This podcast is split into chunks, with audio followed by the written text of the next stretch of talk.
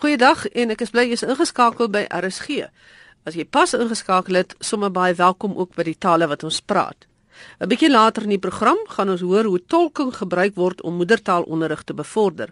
Ons gaan ook na 'n skool in Arcadia, Pretoria om te hoor hoe kinders Afrikaans as tweede taal aanleer. Dit is nou kinders van diplomate, dan word kinders wat Frans en Italiaans en Spaans en al daardie tale praat.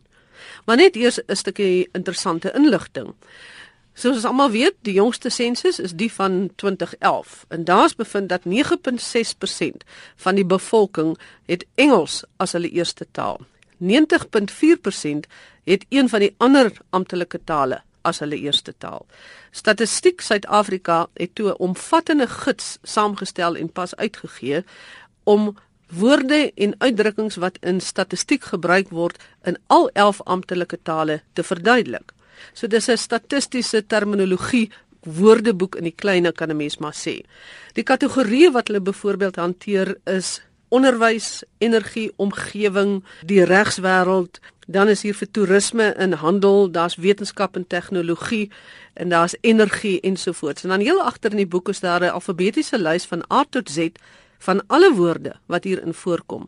Jy kan dit daar naslaan en dan maklik um, word jy verwys na die spesifieke bladsy. Nou kom ek gee net 'n voorbeeld dan jy 'n idee. Hier op 'n bladsy staan hier nou in swart gedruk townhouse.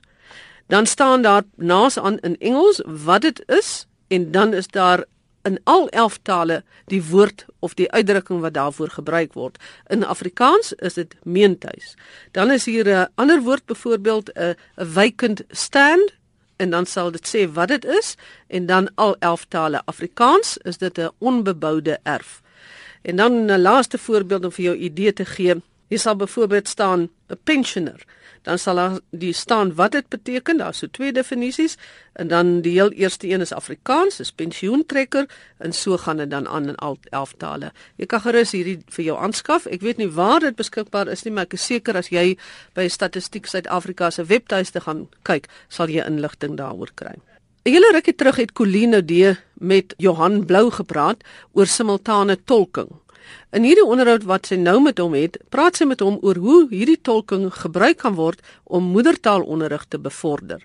Johan Blou is die bestuurder van die taaldirektoraat by die Noordwes Universiteit. Ons het eintlik met so 'n bietjie probeer en tref by sekere goed uitgekom, want ons het sekere veronderstellings gehad, naamlik dat kinders byvoorbeeld veral in Engels medium skole sal beland veral in graad 1 dan sonder dat hulle regtig Engels as moedertaal ken of sonder dat hulle Engels enigsins goed ken. Met die veronderstelling het ons gegaan en by een van die laerskole hier in Potchefstroom begin om vir 'n klasie tolking in Tswana te gee op hierdie liggewig oorfone wat ons gebruik met ons mobiele tolktoerusting. Wat eintlik dalk neerkom die tolk het net 'n mikrofoon, 'n handmikrofoon of selfs 'n kopmikrofoon en die kinders het die liggewig oorfone wat nou eintlik sommer 'n radio-ontvanger oorfoon kombinasie is. En dan uh, hoor die kinders die onderwyser, baie van hulle sit ook net met een oortjie van die stetoskoop tipe oorstukke in hulle oor en die ander een uit of uh, hulle sit met al twee in, maar hulle kan die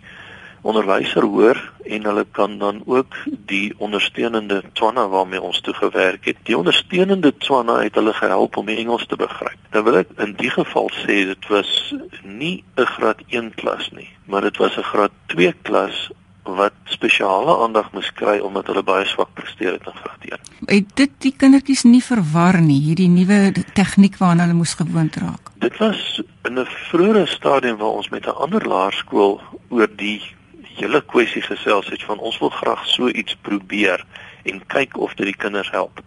Was dit een van die dinge wat die onderwyser vir ons gesê het, hierdie kinders is nie in die skool. Is 'n vreemde omgewing, is 'n vreemde wêreld. Dis hier's genoeg nuwe goed om baas te raak. Nou wil julle nog kom en so iets ook by byvoeg. Maar nou wil ek sê selfs die kleiner kinders word nogal bietjie meer tegnologies opgevoed groot en is nie ongewoond aan byvoorbeeld luister op gestel oorfone en so meer nie. En ons het gevind dat die kinders omdat dit deel vorm van die pakket van hierdie nuwe omgewing dit nogal makliker gewoond raak as wat mense verwag het. Maar nou moet ek sê soos ek genoem het, hierdie hierdie was nou al 'n graad 2 klasie, so die res van die omgewing is nou nie meer so vreemd nie. So die byvoeging van een vreemde ding was nou nie te ernstig geweest nie. Maar nou oor die graad 2 klas wil ek tog net vir jou iets interessants noem. Dit was werklik 'n klompie leerders wat gesukkel het, wat akademies klaar eintlik agter was. Wat toe gebeur het is het, is dat ons in die loop van die eerste 6 maande en veral in die loop van die eerste jaar die mees beduidende verbetering gesien het. Want ons het net begin agterkom die kinders verstaan nou beter. Hulle volg en aangaan wat mens moet onthou is hulle het al hulle het voortgegaan met graad 2 werk, hulle het nie graad 1 werk herhaal nie. So hierdie kinders het ons gevind was aan die einde van graad 2 baie naby aan dieselfde pyl as die res van die graad 2's. Veral in gesyferdheid waarmee ons begin het die sogenaamde numeracy. Ehm um, maar dit was die fokus van die eerste tolking. Uh, die tolking het baie gou uitgebrei na 'n paar ander aspekte ook. Een interessante ding is dat die een seentjie, die juffrou het nooit by hom 'n respons van enige aard opgetel nie. So nou en dan sou hy as hy hom nou regtig gedruk het 'n antwoord gee. Maar toe hy die oorfone opsit, toe sê sy sy het hom die eerste keer gesien glimlag. Sy het hom in graad 1 ook gehad. Toe in graad 2 toe sê sy sy sien vir die eerste keer dat hierdie kind glimlag toe die tswana in sy ore hoor. Wat van die opleiding van onderwysers? Is dit nie selfs nog belangriker nie? Watter rol speel dit daar? Kan ek net iets anders noem want dis dieselfde beginsel onderliggend aan dit wat ons doen by die onderwysersopleiding as wat ons doen by die skole. Die vertrekpunt in ons argument is dat jy moet bou op die moedertaal en ek meen dis 'n dis 'n taalverwerwingsargument dat jy eers in die moedertaal baie goeie beheersing moet hê en dat jy daarna op die moedertaal wat jy reeds verwerf het kan bou om 'n tweede taal te verwerf. Dis hoekom ons weet uit ons ervaring nou dat as ons vir die kinders die tolking in Setswana gee saam met die Engels of nou ook uh, in 'n skool waar ons die Afrikaans gee saam met die Engels waar die kind die Engels moet bemeester, help dit om die brug te bou van die bestaande kennis van die Afrikaans of die Tswana na die Engels toe. En dis wat ons nou doen met ons onderwysstudente ook. In die besonder in die grondslagfase. Ons het begin om in die grondslagfase vir die Tswana moedertaalstudente om vir hulle op dieselfde manier die ondersteuning van Tswana te gee terwyl hulle die klas het sy in Engels of Afrikaans sou kon hoor. Maar dan gee ons die Tswana by sodat hulle die konseptualisering van die vakkennis makliker kan doen want hulle hoor die moedertaal begrip saam met die ander taalbegrip so hulle hulle hulle bou daai brug soos wat ek nou net genoem het by die kindertjies in die skole ook die studente wat hier kom en wat in Tswana moet gaan skool hou het nooit eintlik regtig 'n baie goeie Tswana woordeskat in byvoorbeeld wiskunde ontwikkel voordat hulle by die universiteit gekom het nie.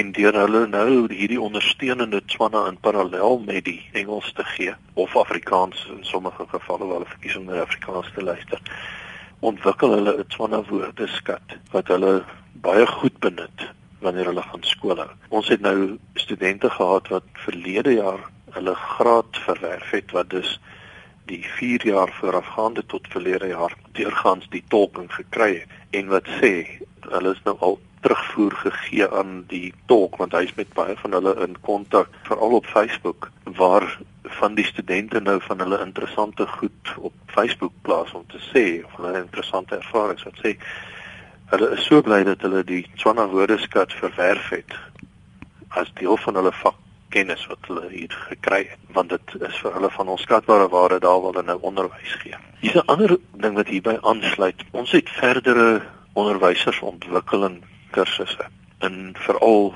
wiskunde en wetenskap wat die sogenaamde Sedipa projek is waar ons baie interessante ervarings gehad het met dieselfde tipe ding.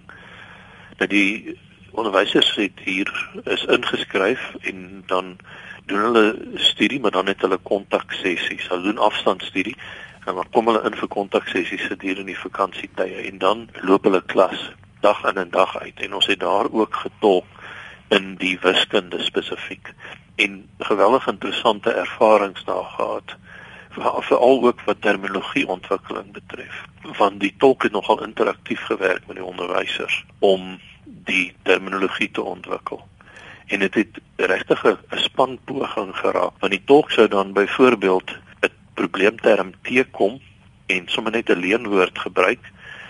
Maar hulle het so goeie samewerking met die dosent gehad wat net so entoesiasties oor die terminologie ontwikkeling was dat hulle dit nie eers agterna bespreek het maar dat die dosent sommer daar sou stop. En dan skoppel hulle die term so 'n bietjie rond en dan besluit hulle hulle gebruik hom nou so. En agterna dan sal hulle hom weer verfyn. Want dan gaan die onderwysers weg en die en die tolk gaan weg en dan het hulle tyd om na te vors by die volgende geleentheid waar hulle weer kontak het dan begin hulle weer dan dan stryk hulle gou die term uit en mense gee terugvoer oor wat hulle kon navors en vind en op die manier is dit 'n 'n lekker daar was 'n lekker inkoop van die kant van die onderwysers gewees. Met ander woorde wat jy sê, die die tolking is nie net 'n hulpmiddel nie, dis eintlik ook 'n middel om die taal om Tswana in hierdie geval te ontwikkel. Ja, sonder enige twyfel het ons dit gesien oral waar ons in Tswana werk doen ons taalontwikkeling want daar is terme maar daar is op baie in baie gevalle is daar nie terme nie en dan moet die ouens nogal werk om te ontwikkel. Dit was Johan Blou, hy is die bestuurder van die Taaldirektoraat by die Noordwes Universiteit en Colino D het met hom gepraat oor hoe tolking gebruik kan word om moedertaalonderrig te bevorder. Christel van Tonder het gaan inloer by 'n skool in Arcadia en hierdie storie vir ons te vertel. Arcadia Primêre Skool in Pretoria het leerders wat 9 van die 11 amptelike Suid-Afrikaanse tale praat so ook leerders wie se moedertaal Russies, Spaans, Frans en Italiaans is. Elkeen van die leerders by die skool neem Afrikaans as tweede taal by meneer Ali van die kerk en kom elke dag al singend na die klas gehardloop. Annelie van Rooyen het ook 'n draai by die skool kom maak om te hoor hoe die leerders uit volle bors haar treffer Ek lewe sing. Afrikaans is beslis groot.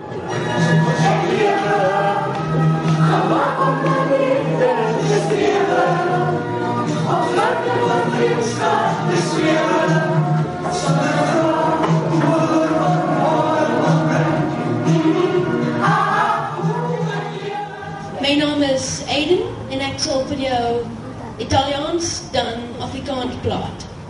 La nostra scuola da due del centro di Calcalo internet e ogni casa e a televisore. Ogni insegnante ha un computer portatile e un tablet. Nou ek sal dit in Afrikaans sê. Ons skool het twee regionale sentrums internet en elke klas het 'n televisie. Ook elke onderwyser het 'n laptop en 'n tablet. Dankie. Meneer Vnika, vertel my waar dit alles begin, hoe die skool besluit om Afrikaans as ad addisionele taal aan te bied. Dit is nog altyd van die begin af so. Die hoofrede is dat hierdie kinders gaan boys high en girls high toe. Dit ons is die vierde skool vir hulle en hulle doen Afrikaans en Engels so hulle moet dit doen. En die ouers het op 'n stadium gestem daaroor en gestem hulle wil Afrikaans as eerste addisionele taal hê. Nou ek sien hierso 'n televisieskerm en 'n tablet wat daar staan. Vertel my van die tegnieke wat jy gebruik om hierdie taal vir die kinders te leer. Ons is baie op die hulle noem dit in Engels e-learning en uh, ons het in die rekenaarsentrum gewerk en toe besluit maar ons kan dit klasse toe vat want daar kan net een klas op 'n slag rekenaarsentrum toe gaan. So elke klas het 'n televisie, elke onderwyser het 'n laptop en 'n tablet en hulle konnekteer dit deur die uh, dongle en dan uh, kan jy sien wat op die tablet is en nie op die TV. So jy doen mondeling so jy wys verduidelik eksperimente so en uh, dit hou dit interessant en ons ek mag dit seker nie sê nie maar ons steel baie videoetjies op YouTube en uh, maak dit interessant en ons het uh, wifi reg deur die skool. So die oomblik as die kinders nie iets verstaan nie, dan gaan jy op Google en jy Google dit en jy wys vir hulle 'n videoetjie van hoe werk die hart of wat is uh hoe werk 'n kar se se se engine en sulke tipe goed en dit maak dit net soveel makliker. Die kinders verstaan dit want deesdae se kinders kyk net televisie en sit op hulle selfone. So jy moet aanpas by die jeug en dis hoe ons dit doen. Duidelik hou die klas en die kinders daarvan om te sing. Waar die idee vandaan gekom om sang in te bring? Uh ons doen dit as gedigte. Ek het nog altyd gedigte gedoen. Toe snik maar 'n 'n liedjie is 'n gedig. En ons doen die gedig, ons doen die strofes en die rym en die outeer en alles en dan as hulle die gedig ken en die woorde ken, dan sing ons dit. En as hulle die week soet is, dan op Vrydag sing ons. Vertel my van die uitdagings wat jy gevind het wat die kinders ervaar om Afrikaans te leer. Wat wat is vir hulle die moeilikste? Dit is maar hulle derde taal. Meeste van hulle het 'n tuistaal wat nie Engels is nie en dan is Engels hulle tweede taal, is hulle derde taal. So dis vir hulle baie moeilik. So dis vir ons moeilik om nog by Engels 'n ander taal te leer, maar as jy dit interessant maak en jy hê pret in die klas, dan geniet hulle dit. Vertel my van die uitdagings wanneer dit kom by die vorming van die klanke wat baie van die klanke wat in Afrikaans voorkom kom byvoorbeeld nie voor in ons ander 11de of in ons ander 10 tale nie. Ek meen daar's 'n seentjie in die klas wat Italiaans praat, daar's Spaans, daar's Russies. Hoe hoe betree hulle daai daai uitdagings? Dit is maar moeilik. Jy besluit hulle maar individueel die woorde uitspreek, maar op hierdie stadium dit is my meer belangrik om uh, sinne te kan vorm en om die uh self-confidence te hê om Afrikaans te praat. So ons is nie dit is nie vir my so belangrik die spesifiek die uitspraak nie. Soos jy sal gehoor het die een dogtertjie wat gepraat het, haar uitspraak is nie so goed nie, maar sy praat en sy vertel haar storie en sy kry haar boodskap oor. So dit is maar basies vir my baie belangriker. En meneer Niekerk, jy is onderwyser, wat is jou grootste uitdaging om die taal vir die kinders te leer? Want jy sê dit is tog baie van hulle se derde taal. Ja, daarom moet jy dit so interessant as moontlik maak. Daarom bring ons die TV's in en ons bring die tablette en ons sing liedjies en ons maak dit lekker en ons speel speletjies om dit vir hulle lekker te maak en as hulle lekker is en as die onderwyser opgewonde is, dan is hulle opgewonde. So ek vind dit. Hoe betrokke is die ouers met die taal van Afrikaans? Hulle is nie baie nie wat ek probeer, ek probeer om hulle te oortuig om byvoorbeeld een TV-program te kyk. Ons probeer almal sewende laan kyk. Dat hulle dan een TV-program kyk en hulle sien 'n Afrikaanse program. Hulle kyk sewende laan, daar is Engelse onderskrifte en ons bespreek dit soms, so dan dit help nogal. Sê my, wat is jou naam en wat is jou huistaal? Um, my naam is Bonolo Letsela en by die huis ek praat um, Sesotho en um, Engels met my ma. En sê my, hoekom is dit vir jou so lekker om Afrikaans te leer? Dit is lekker want wanneer ek met mense sien wat is Afrikaans, ek het met ek kan met hulle praat, Afrikaans praat. En wat maak meneer van die kerk se klas vir jou so lekker? Dit is baie lekker. Hy hy vertel ons jokes en hy gee vir ons baie lekker dinge. En hy maak die Afrikaans um taal baie lekker. My naam is Naomi Fokeng. My taal is Engels. Engels. Ja. En hoekom is dit vir jou so lekker om Afrikaans te leer? As ander mense Afrikaans praat, dan kan ek met hulle praat. Ja. En meneer van die kerk, vertel my van sy klas. Hoekom is dit vir jou so lekker? Want sy maak sy maak Afrikaans 'n lekker taal te lees. Hmm. En sê vir my, watse goeders gebruik jy in die klas om die taal vir julle te leer? Die liedjies, ja. Die liedjies help ons baie want die liedjies is Afrikaans en ons kan leer van daai liedjies. En vertel my van die liedjie want jy het nou vandag vir Annelie van Rooyen ontmoet en jy het haar liedjie vir haar gesing Ek lewe. Dit was baie lekker om haar te sien en met haar te sing. Ja. Jy het nou hierdie kinders gesien wat hierdie ongeloop wat jou lied gesing het van so lank terug. Wat beteken ons taal vir jou? Dis die hele manier wat jy gedefinieer word, né? Nee, taal is so 'n wonderlike ding en wat ek hoor hier ook is dat vir sommige van die leerders is Afrikaans hulle vierde taal. Van moedertaal na Engels, na Frans byvoorbeeld en dan na Afrikaans. En om daai hele grondslag te hê van die maniere waarop taal dinge sien dis hoe ons die wêreld sien, net deur deur middel van hoe jy dit kan omskryf. Nou Afrikaans, ag, jy kan enige ding sê. Jy kan enige ding beleef en as jy mooi dink, kan jy enige ding tot uitdrukking bring in Afrikaans. Ek is so dankbaar dat hierdie jong mense, hierdie klein goed 'n manier kry om ook 'n verbintenis met ons die wêreld in te stuur. Dit dan Anlie van Rooyen wat gesels het oor haar ervaring toe die kinders haar liedjie in ander tale gesing het. Hierdie bydraes versorg deur Christel van Tonder. En daarmee die einde van die taleprogram gegroet tot 'n volgende keer.